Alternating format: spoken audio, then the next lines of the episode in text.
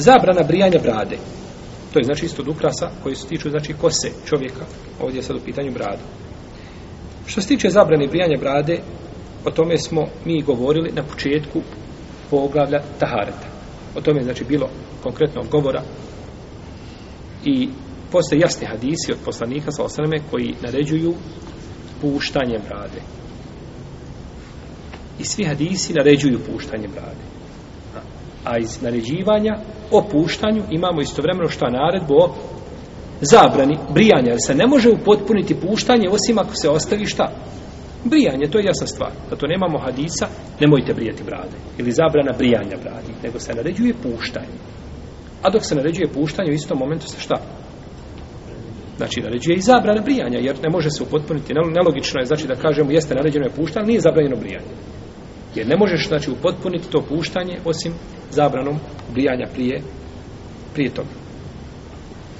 Pa nećemo ništa više spominjati. O ome pitanju smo govorili, znači mislim da je pitanje jasno svakome ko želi ovaj da uzme a, pouku. Osim što bi volio samo da pročitamo nešto ovaj o tome što su hanefijski učenjaci kazali. Pošto se danas ljudi često ovaj šta godim godi duši, kažu to je hanefijski mesec kako god kažu hanefijski mezheb, po hanefijskom mezhebu se može. A nije tako. Ni po hanefijskom, ni po drugim mezhebima. Jer je hanefijski mezheb kao i drugi mezhebi. Ima neke stvari gdje je, znači, ovaj, eh, eh, stroži, neke stvari gdje, gdje, gdje su određene olakšice kazane, kao i drugim mezhebima. No, međutim, da se tako uzme općenito, da se kaže po našem mezhebu, hanefijskom, tako, nije tako. Hanefijski mezheb je naš mezheb. I šafijski, maliki, to su naše mezhebi. No, međutim, da se uzima tako i da se igra sa riječima učenjaka, to nije dozvoljeno. Pa ćemo samo ovaj da ćeš nam ti Darko širiti ovo. Dole od jedinice počne na ovoj strani. Na kraju. Hvala. Imam Šamsudin Esarhasi. Esarhasi. Imam Esarhasi je umro 496. godine i on je od najveće, znači, hanefijske uleme. Znači, on je od prvaka hanefijskog, znači, ima knjigu Al-Mepsud koja je štampana u 25 tomova i ona je temelj, ili od temelja, najveći temelja hanefijskog fika. Jesu. Nakon što je spomenuo da je brada ukras muškarca, rekao je Osnova svemu ovome je hadis u kome je poslanik sallallahu alihi wasallam kaže Allah ima meleka koji ga slavije riječima. Meleke, slavljen neka je Allah koji ukrasio muškarce bradama. Znači, on dokazuje ovim hadisom, slavljen neka je Allah koji je ukrasio muškarce bradama. Taj hadis je daif, nije vjerodostan, taj hadis je ovaj, batil. No, međutim, on ga je uzeo, no, međutim, nas zanima stav hanefijskog škola. On kaže, osnova se, brada je šta ukras muškarca. Znači, brada ima utemeljenje u hanefijskoj pravnoj školi. Jeste. Na drugom mjestu imam e, Es-Serhasi kaže, U bradi je ljepota muškarca. E, u bradi je ljepota muškarca. Imam Alaudin El Kasani, umro 587. hiđarske godine, rekao je Brijanje brade tretira se masakriranjem lica jer je uzvišeni Allah ukrasio muškarce bradom, kako se prenosi u hadisu. Allah ima meleke koji ga slavije riječima. Slavlje neka je Allah koji ukrasio muškarce bradom. Dakle, isti hadis. Na drugom mjestu imam El Kasani kaže Glava i brada predstavljaju najčasnije dijelove tijela. U glavi se nalazi, nalaze mozak i čula, a brada je dio lica. A lice je jedan od najčasnijih dijelova tijela. Pogledajte kako dokazuje imam El Kasani, Ebu Brk El Kasani, da je, da je ovaj, uh, Ibn Mesaud, jeli, da je, da je ovaj, eh, jedna, uh, da je brada, znači od najčasnijih dijelova čovjek ovog ti, ovaj, znači lice, a brada je sasvim dio lica. A imam El Kasani za njega kažu Melikul Ulema, kažu da je on kralj uleme. Tako, takav je naziv dobio. Melikul ulema, jest. Imam Burhanuddin el-Merginani. Burhanuddin el-Merginani, jest. Umro 593. hijđarske godine, rekao je. Brijanje kose kada je u pitanju žena predstavlja njeno masakriranje. Isto kao što je to brijanje brade kod muškaraca. Aha, brijanje brade kod muškaraca je šta? Masakriranje. Kao što žena da, da obrije glava, brijanje glave ženi je haram, što ćemo, o čemu ćemo govoriti. Imam Kemaluddin bin El-Humam umro 681. hijđetske godine. Rekao je, kada je u pitanju brada, sunite da bude u dužini šake, a ono što prijeđe preko dužine šake treba odsjeći. Što se tiče kraćina... Znači vidimo, treba znači da bude u dužini šake, a ono što se prijeđe preko toga, sjeće se, dobro. Što se tiče kraćenja brade, više od toga, to jest od dužine šake, kao što čine neki zapadnjaci, to jest ljudi sa zapadnog dijela tadašnje islamske države i muškarci hermafroditi, to jest dvospolci, to apsolutno niko nije dozvolio. Znači, hanefijski učenjac, to je poznato kod znači da kažu da kraćenje brade mimo dužine šake nije niko dole me dozvolio. Ja nisam nikad našao Alima da je rekao da je to dozvoljeno. Jesi.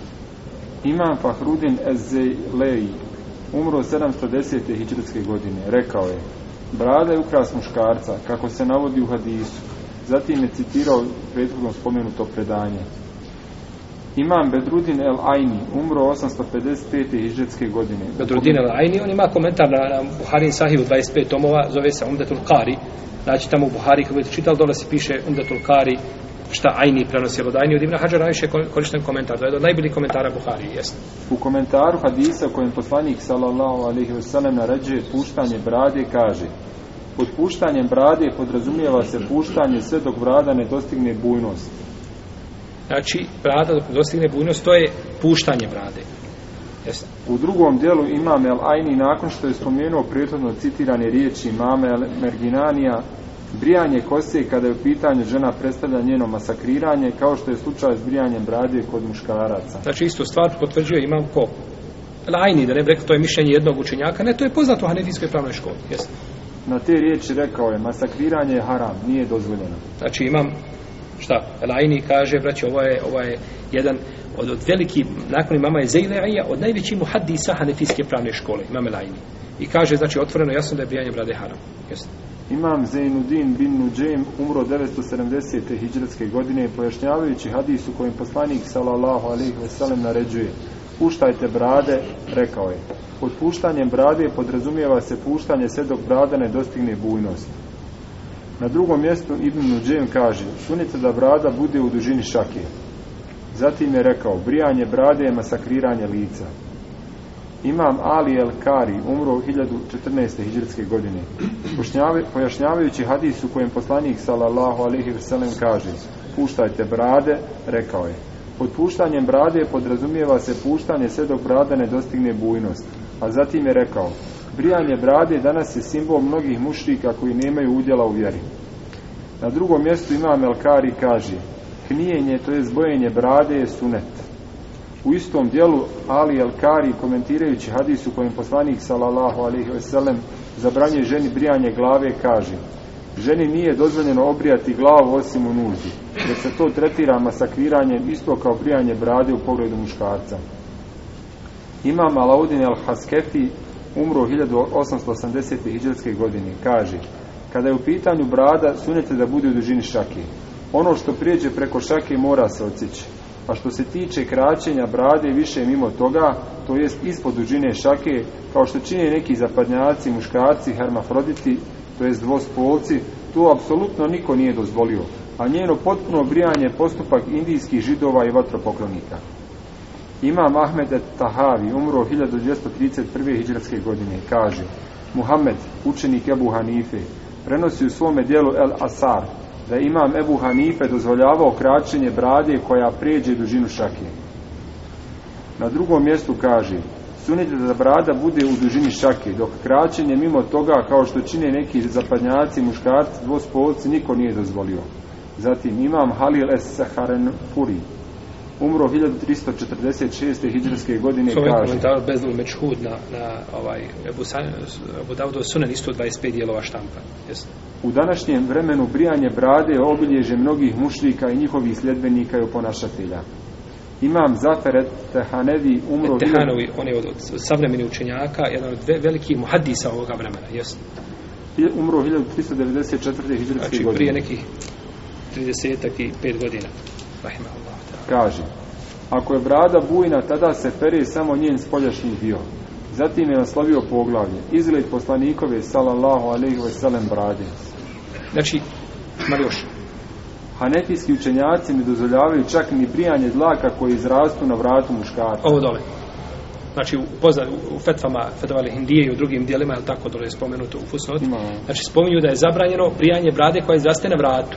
Iako vrat, vrat vamo dole, ovo što da na vratu ispod dole, znači to nije brada. Ovo dole nije, ovo dole na vratu, ako se oprije, nije brada. Ovo dole ispod ne. Ali na vratu što izraste dole, to nije brada. No, međutim, on ne dozvoljava ni to. Kako će dozvoljavati brijanje brade, znači došli jasni argument? Jesi. Pa kako da dozvoli brijanje brade? Eto. Dakle, puštanje brade do dužine šake je legitimne kod svih islamskih učenjaka, dok su hanefijski pravnici posebno strogi u tom pogledu. Oni kažu da je vađib uzimanje vraća ono što pređe. Od hanefijskih učenjaka dok pređe, znači kada uzmeš u bradu šako od dole što pređe, ovo se dole mora odrezati kod hanefijskih učenjaka. To je vađib kod njih. Dok drugi, znači razilaženje, jedni dozvoljavaju, ne kažu da je vađib, ne kažu da može, da je olakšica. Neki kažu, pobedi mama neuje, ne smije ništa, mora brada biti kakva jeste. Allah valim da je stav hanefijskih učenjaka da ima svoje mjesto. Sad vađib, pitanje je možda oko koga se može razglabati ali da se može uzimati preko dužine šak inša Allah da u to nema ovaj nema sumnje jer jer postupa sahaba ukazuju na to što se jasno zaključuje iz prethodno citiranih izjava kada bi životni vijek današnjeg čovjeka bio kao životni vijek Nuha alejselam i kada bi dan noćno listao djela hanefijskog meseba kao i drugih meseba ne bi našao ni jedno jedino slovo kojim se negira ili osuđuje puštanje bradi. I to obraća. Ja sam, znači, meni cilj ovdje bio da spomenem neke učenjake koji kažu da je vađib, a nije ni to samo bio, nego bio cilj da se spomene da je brada utemeljena u hanefijskom fiku. Znači, i ne možeš kada bi vrtio po hanefijskom, kada bi se slomio oči, kada bi izgubio vid tri puta da nađeš jedno slovo da ne kaže, a što brada, to nikada nećeš naći. To nikada neće raditi. To je znači kod džahila, kod neznalica, koji nikada nisu otvorili knjigu fika i da uče i da čitaju i u bilo kom drugom fiku na zemlji. A po uzim preveći po šitskom fiku isto ćeš naći ovaj, jel, tako, fiku skupina koji zalutale se sa pravog puta, a da ne govorim kod, kod ehlu suneta, znači stvar jasna kod dan. Naprotiv, svi hanefijski učenjaci jednoglasno potvrđuju legitimnost ovoga propisa i spominju ga samo u pohvalnom kontekstu. To je u svakom slučaju vraćao nešto ovaj a, vezano i ovo kada čovjek čita vraća onda vidi znači da da je hanefijski mezheb jedno a ono što mnogi žele da priheftaju uz hanefijski mezheb da je to potpuno drugo isto tako popi, isto, tu istu stvar imate u šafijskom mezhebu malikijskom, hambelijskom neko kad hoće da neko miše da je žestoko kaže ovo je hambelijski mezheb ne, šambelijski mezheb je nešto šta, što je žestoko a kad hoće nešto blago kaže ovo je hanefijski mezheb nije takva situacija, ko je to rekao?